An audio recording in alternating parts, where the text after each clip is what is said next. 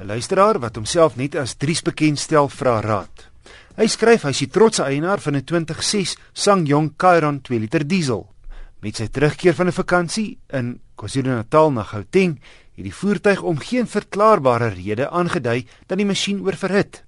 Hy skryf die nodige alarm het afgegaan net vir Pietermaritzburg en twee keer daarna. Elke keer het ek gestop en gevind dat die watervlak geensins gesak het nie en geen waterlekkasies of oorverhitting waargeneem nie. Vanaf Mooirivier het hierdie verskynsel nie weer voorgekom nie en ek het my bestemming veilig bereik. Jake Venter, die tegniese redakteur van die tydskrif Accelerate, gee raad. Daar is twee moontlikhede en daar is twee moontlike oplossings. Die een moontlikheid is dat die enjin se water oorverhit het, maar dan sal 'n mens as 'n mens die motor goed ken, sal jy byvoorbeeld met jou hand kan glo of die verkoeler baie warm is, eerder as net die watervlak. Die tweede moontlikheid is dat die turbo aan jaar oorverhit het. Aangesien dit 'n turbo diesel is, sal daar miskien 'n temperatuurmeter wees op die turbo aan jaar. En dit is iets wat kan gebeur as 'n mens byvoorbeeld teen 'n bult op 'n warm dag 'n karavaan in die verkeerde rad sleep, dan kan dit dalk gebeur. Ek weet nie of die die kar so ding het nie, maar dit is 'n moontlikheid. En dan is dit iets wat kan gebeur en as jy dan stop dan verkoel die spul, dan gebeur dit nie weer nie. Wat die luisteraar eintlik moet doen is gaan na Sanjong handelaar toe en vra hulle om 'n rekenaar op die motor te sit en kyk want baie van die stelsels het 'n geheue wat foute onthou. So as daar so 'n probleem was, dan sou daar nie geheue wees van die rekenaar.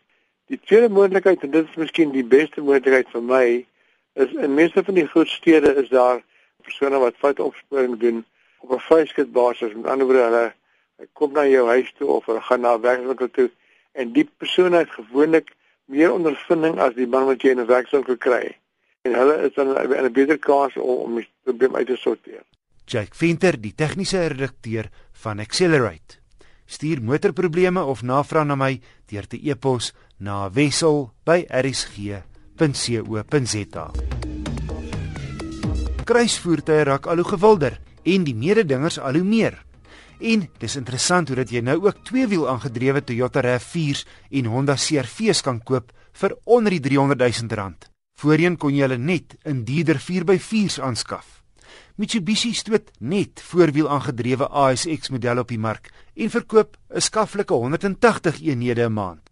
Na 2 jaar is die ASX reeks binne en buite subtiel opgekikker, beginnende by die GL model teen 280 000 rand.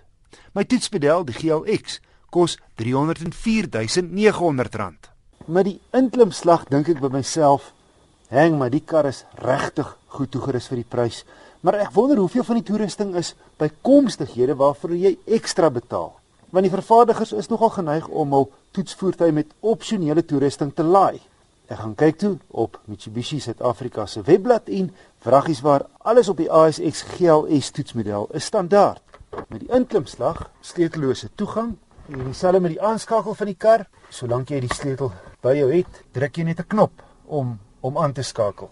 Hier's nie minder nie as 7 ligsakke die syspieels vou elektries in en hulle kan ook verhit om van die dou ontslae te raak.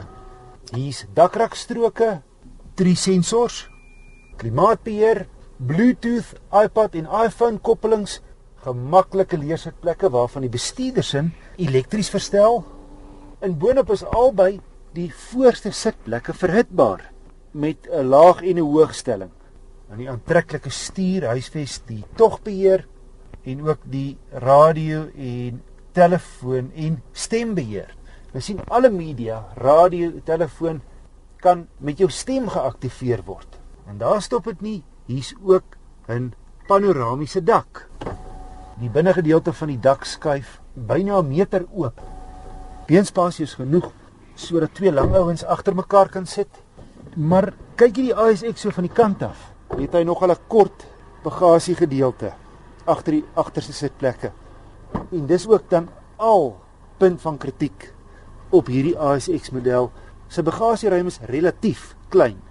Hier is daar 'n volgrootte spaarwiel heel onderin wat eh, van die spasie opeet vir gesinne wat wil gaan vakansie hou of lang naweek kan dit pla.